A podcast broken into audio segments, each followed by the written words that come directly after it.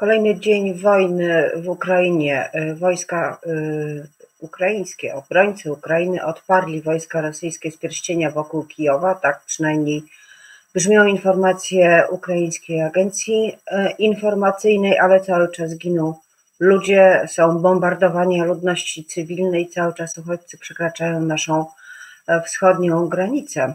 A w tym czasie chwieje się sojusz między Polską a Węgrami. Minister obrony Mariusz Błaszczak nie pojechał na spotkanie ministrów obrony państw Grupy Wyszehradzkiej. Jak to wszystko będzie dalej się rozwijać? Jakie są scenariusze, przede wszystkim te wojenne, wojskowe? Jakie są szanse na to, że wojna się wreszcie zakończy? O tym wszystkim już za chwilę będę rozmawiała z moim gościem, Zuzanna Dąbrowska. Dzień dobry.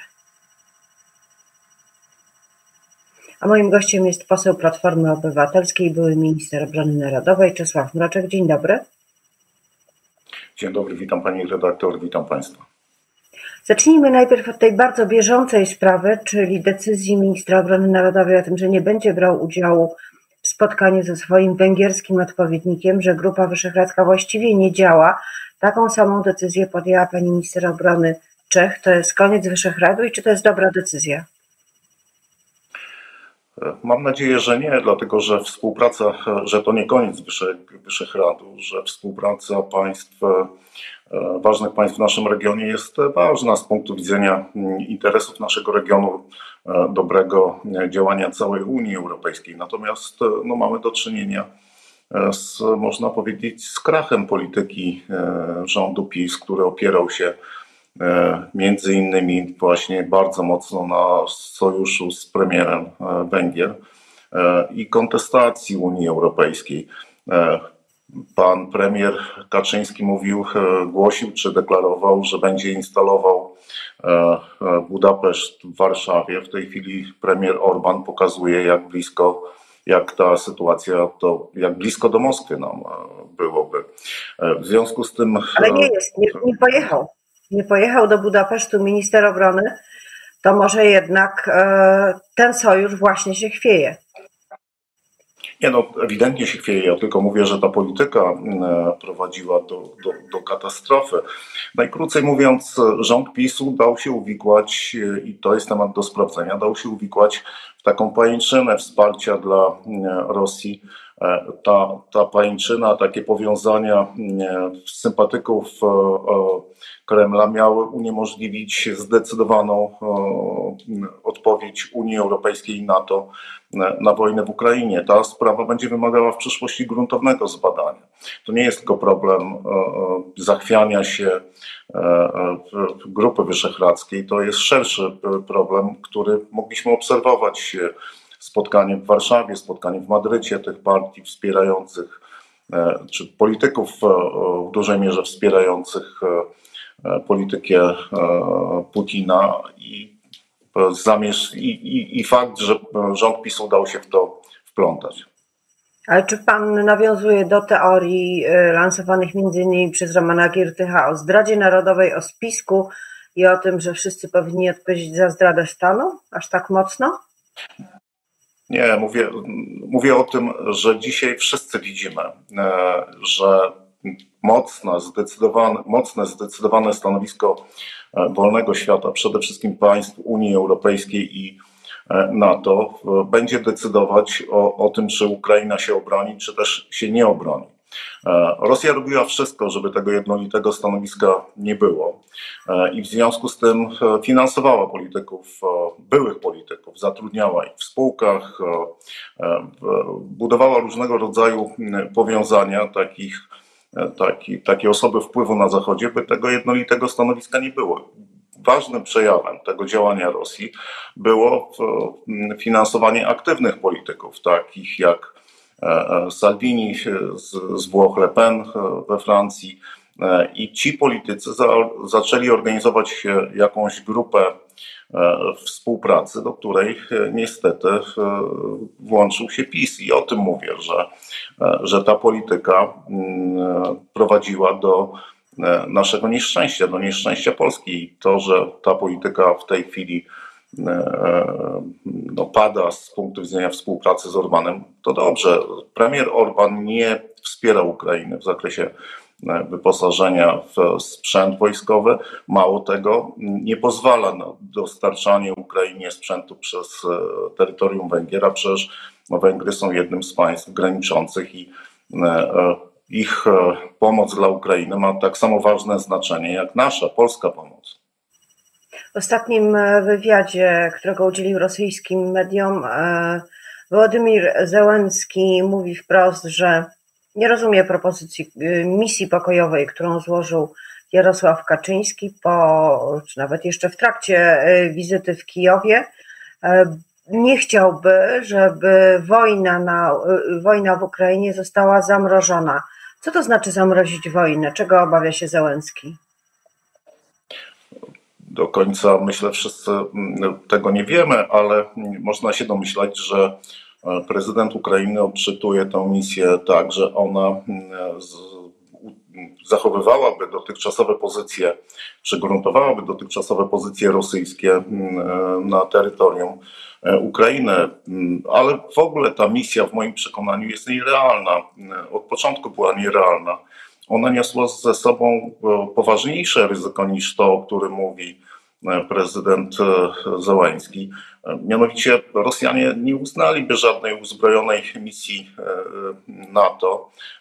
To mogłoby być rozszerzenie, mogłoby być, powiadam, rozszerzenie konfliktu tej wojny na państwa natowskie, w szczególności na polskie. I z tego punktu widzenia propozycja składana przez polskiego wicepremiera, które, która de facto stanowiła bardzo poważne zagrożenie dla naszego bezpieczeństwa, no, trzeba ją odczytywać jako bardzo nieszczęśliwą.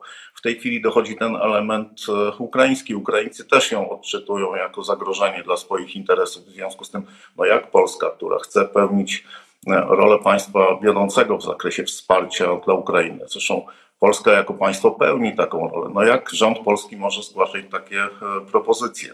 Ale jest jeszcze większy problem z tą propozycją, dlatego że jak powiadam, Polska znalazła się w sytuacji mm, szczególnej. E, udziela bardzo poważnego wsparcia. Nasz kraj stał się miejscem, przez który dociera e, znacząca pomoc dla Ukrainy, wsparcie E, e, przede wszystkim w zakresie uzbrojenia sprzętu wojskowego, pomoc dla uchodźców. E, cały świat docenia tę rolę Polski. Polska powinna zgłosić propozycję wzmocnienia bezpieczeństwa w naszym regionie i dla, i dla Ukrainy, poważną, z szansą na jej realizację. Tymczasem Ale nie, nie została ważne... zgłoszona? Panie pośle, nie została Panią... zgłoszona tak, nie został zgłoszony taki plan do prezydenta Bidena. Prezydent Stanów Zjednoczonych, kiedy był w Polsce, nie rozmawiał o tym. Ktoś go, ktoś go zna? Ten plan? I propozycji, no. No właśnie. Nie ma, nie ma Propozycja takiej... jest prosta. Chcemy więcej na stałe amerykańskich żołnierzy, więcej wyrzutni. Przydałyby się jeszcze ze dwa patrioty, zapewne co najmniej.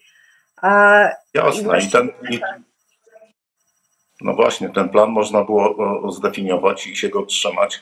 Nawet jeżeli on byłby niezrealizowany w tej chwili, to wszyscy, wszyscy na świecie by wiedzieli, że Polska, która pełni tak ważną rolę w zakresie wsparcia dla Ukrainy, ma słuszne e, oczekiwania i słusznie wnioskuje o to, e, by zwiększyć bezpieczeństwo e, wschodniej flanki, dlatego że bez bezpiecz, bezpiecznej Polski, bez bezpiecznej wschodniej flanki NATO nie ma w ogóle mowy o wsparciu dla Ukrainy.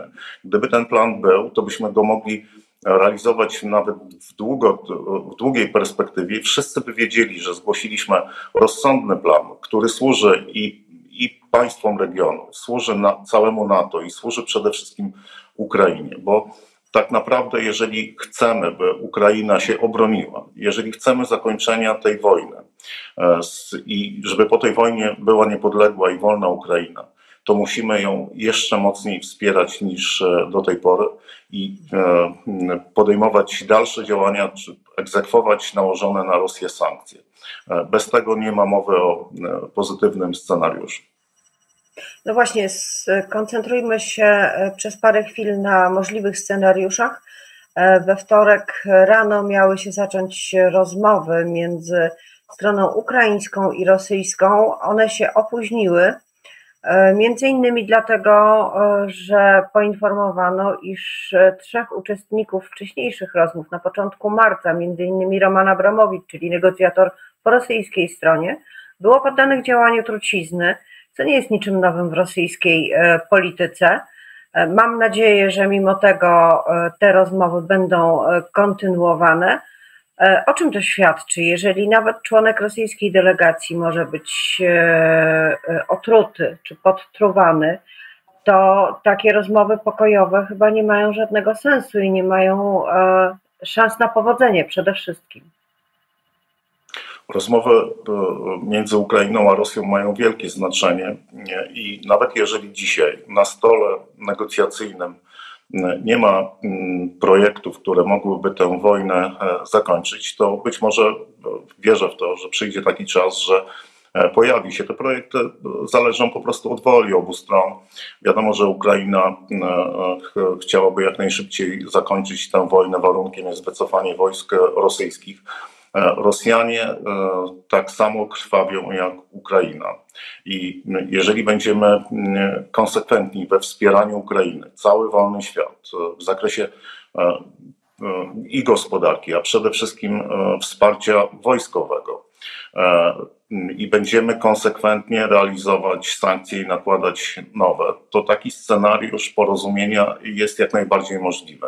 Ja nie chcę się odnosić do, tych, e, do tej kwestii związanej e, z otruciem e, tych negocjatorów, dlatego że tutaj w samej Ukrainie nie ma jasności, rząd ukraiński nie potwierdza tych zdarzeń. W związku z tym wolałbym się opierać na stanowisku rządu ukraińskiego, twardym stanowisku w tej sprawie. Natomiast ta historia pokazuje, jak trudno będzie w tej sprawie E, dojść do takiego porozumienia, jak trudno będzie zakończyć tę wojnę, jak wielu przeciwników jest e, takiego e, scenariusza, ale z całą pewnością on jest możliwy. Jest z punktu widzenia Rosji, to jest jeden z możliwych scenariuszów, czy jeden ze scenariuszy, który Rosja mm, w tej chwili rozważa, czy równolegle realizuje w jakiejś mierze, ale przecież ma Główny jej scenariusz w tej chwili to steroryzowanie narodu ukraińskiego e, i mm, doprowadzenie do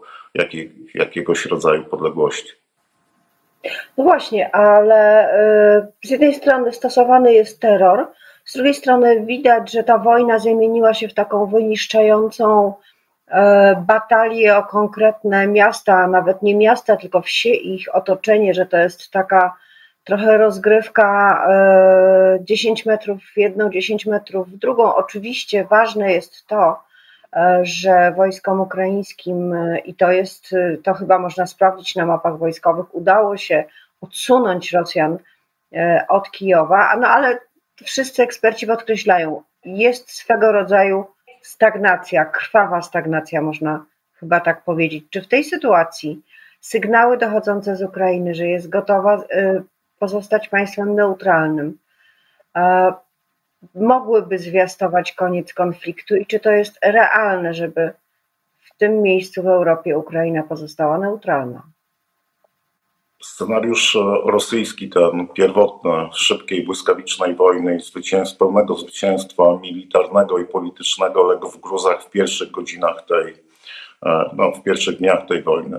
Od e, e, ponad miesiąca realizuje drugi scenariusz steroryzowania Ukrainy. Ten scenariusz, jak pani przed chwilą opisała, pani redaktor, też nie przynosi zakładanych efektów, poza tym, że mamy do czynienia z barbarzyństwem i wielkimi ofiarami ukraińskimi, ale duch tego narodu jest silny i ciągle e, są gotowi do obrony, e, bronią swojej e, ojczyzny.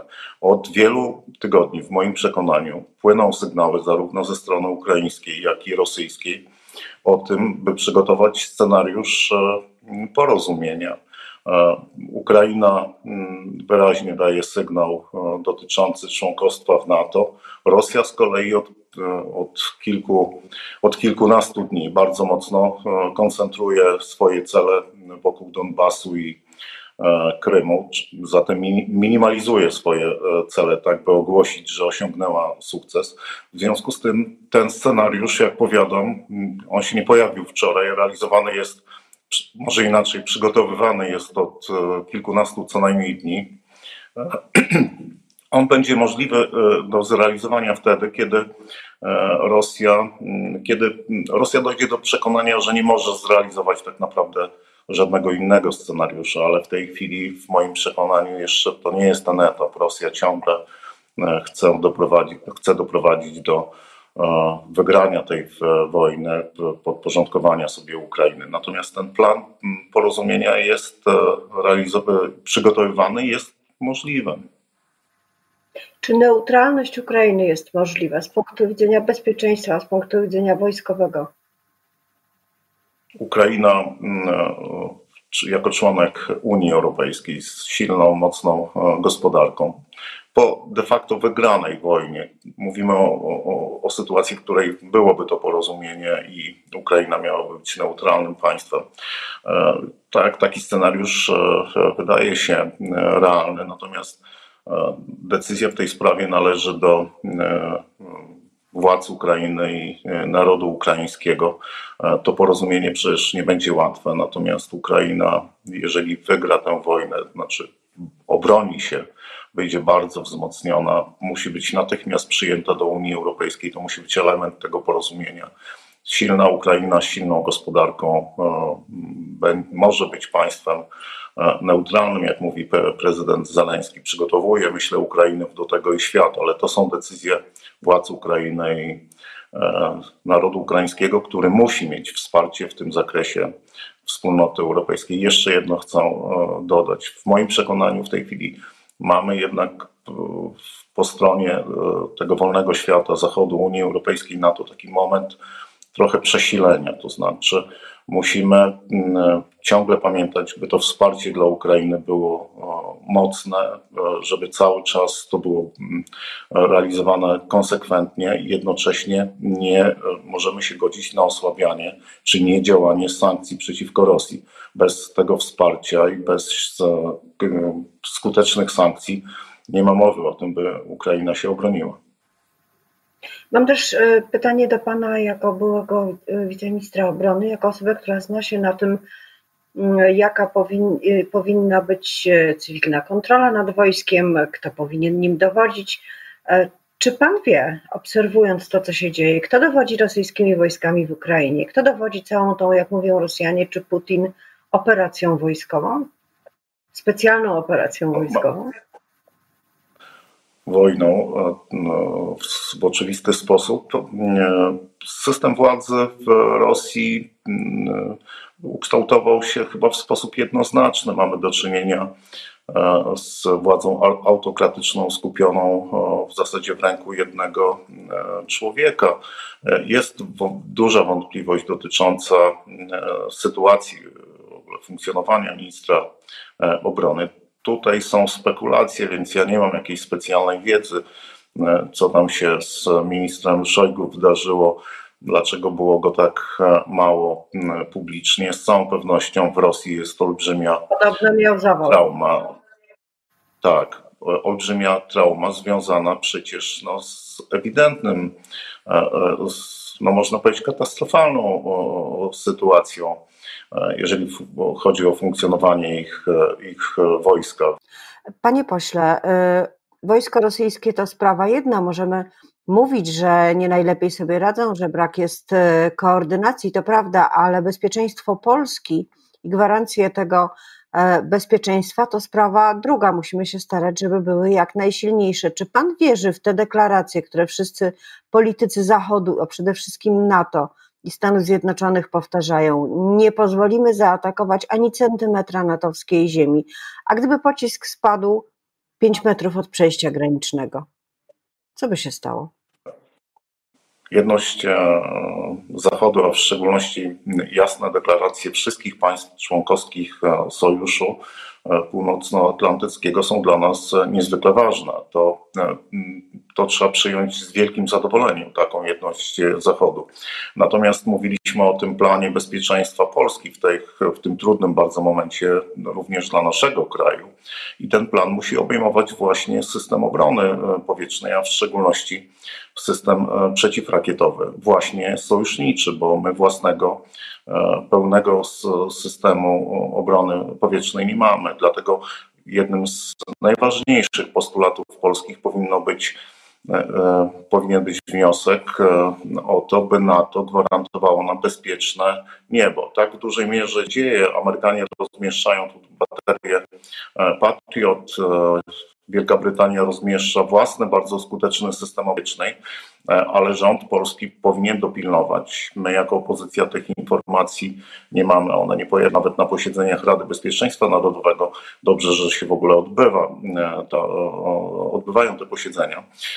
Rząd polski powinien dopilnować, żeby ten system natowski gwarantował nam bezpieczne niebo.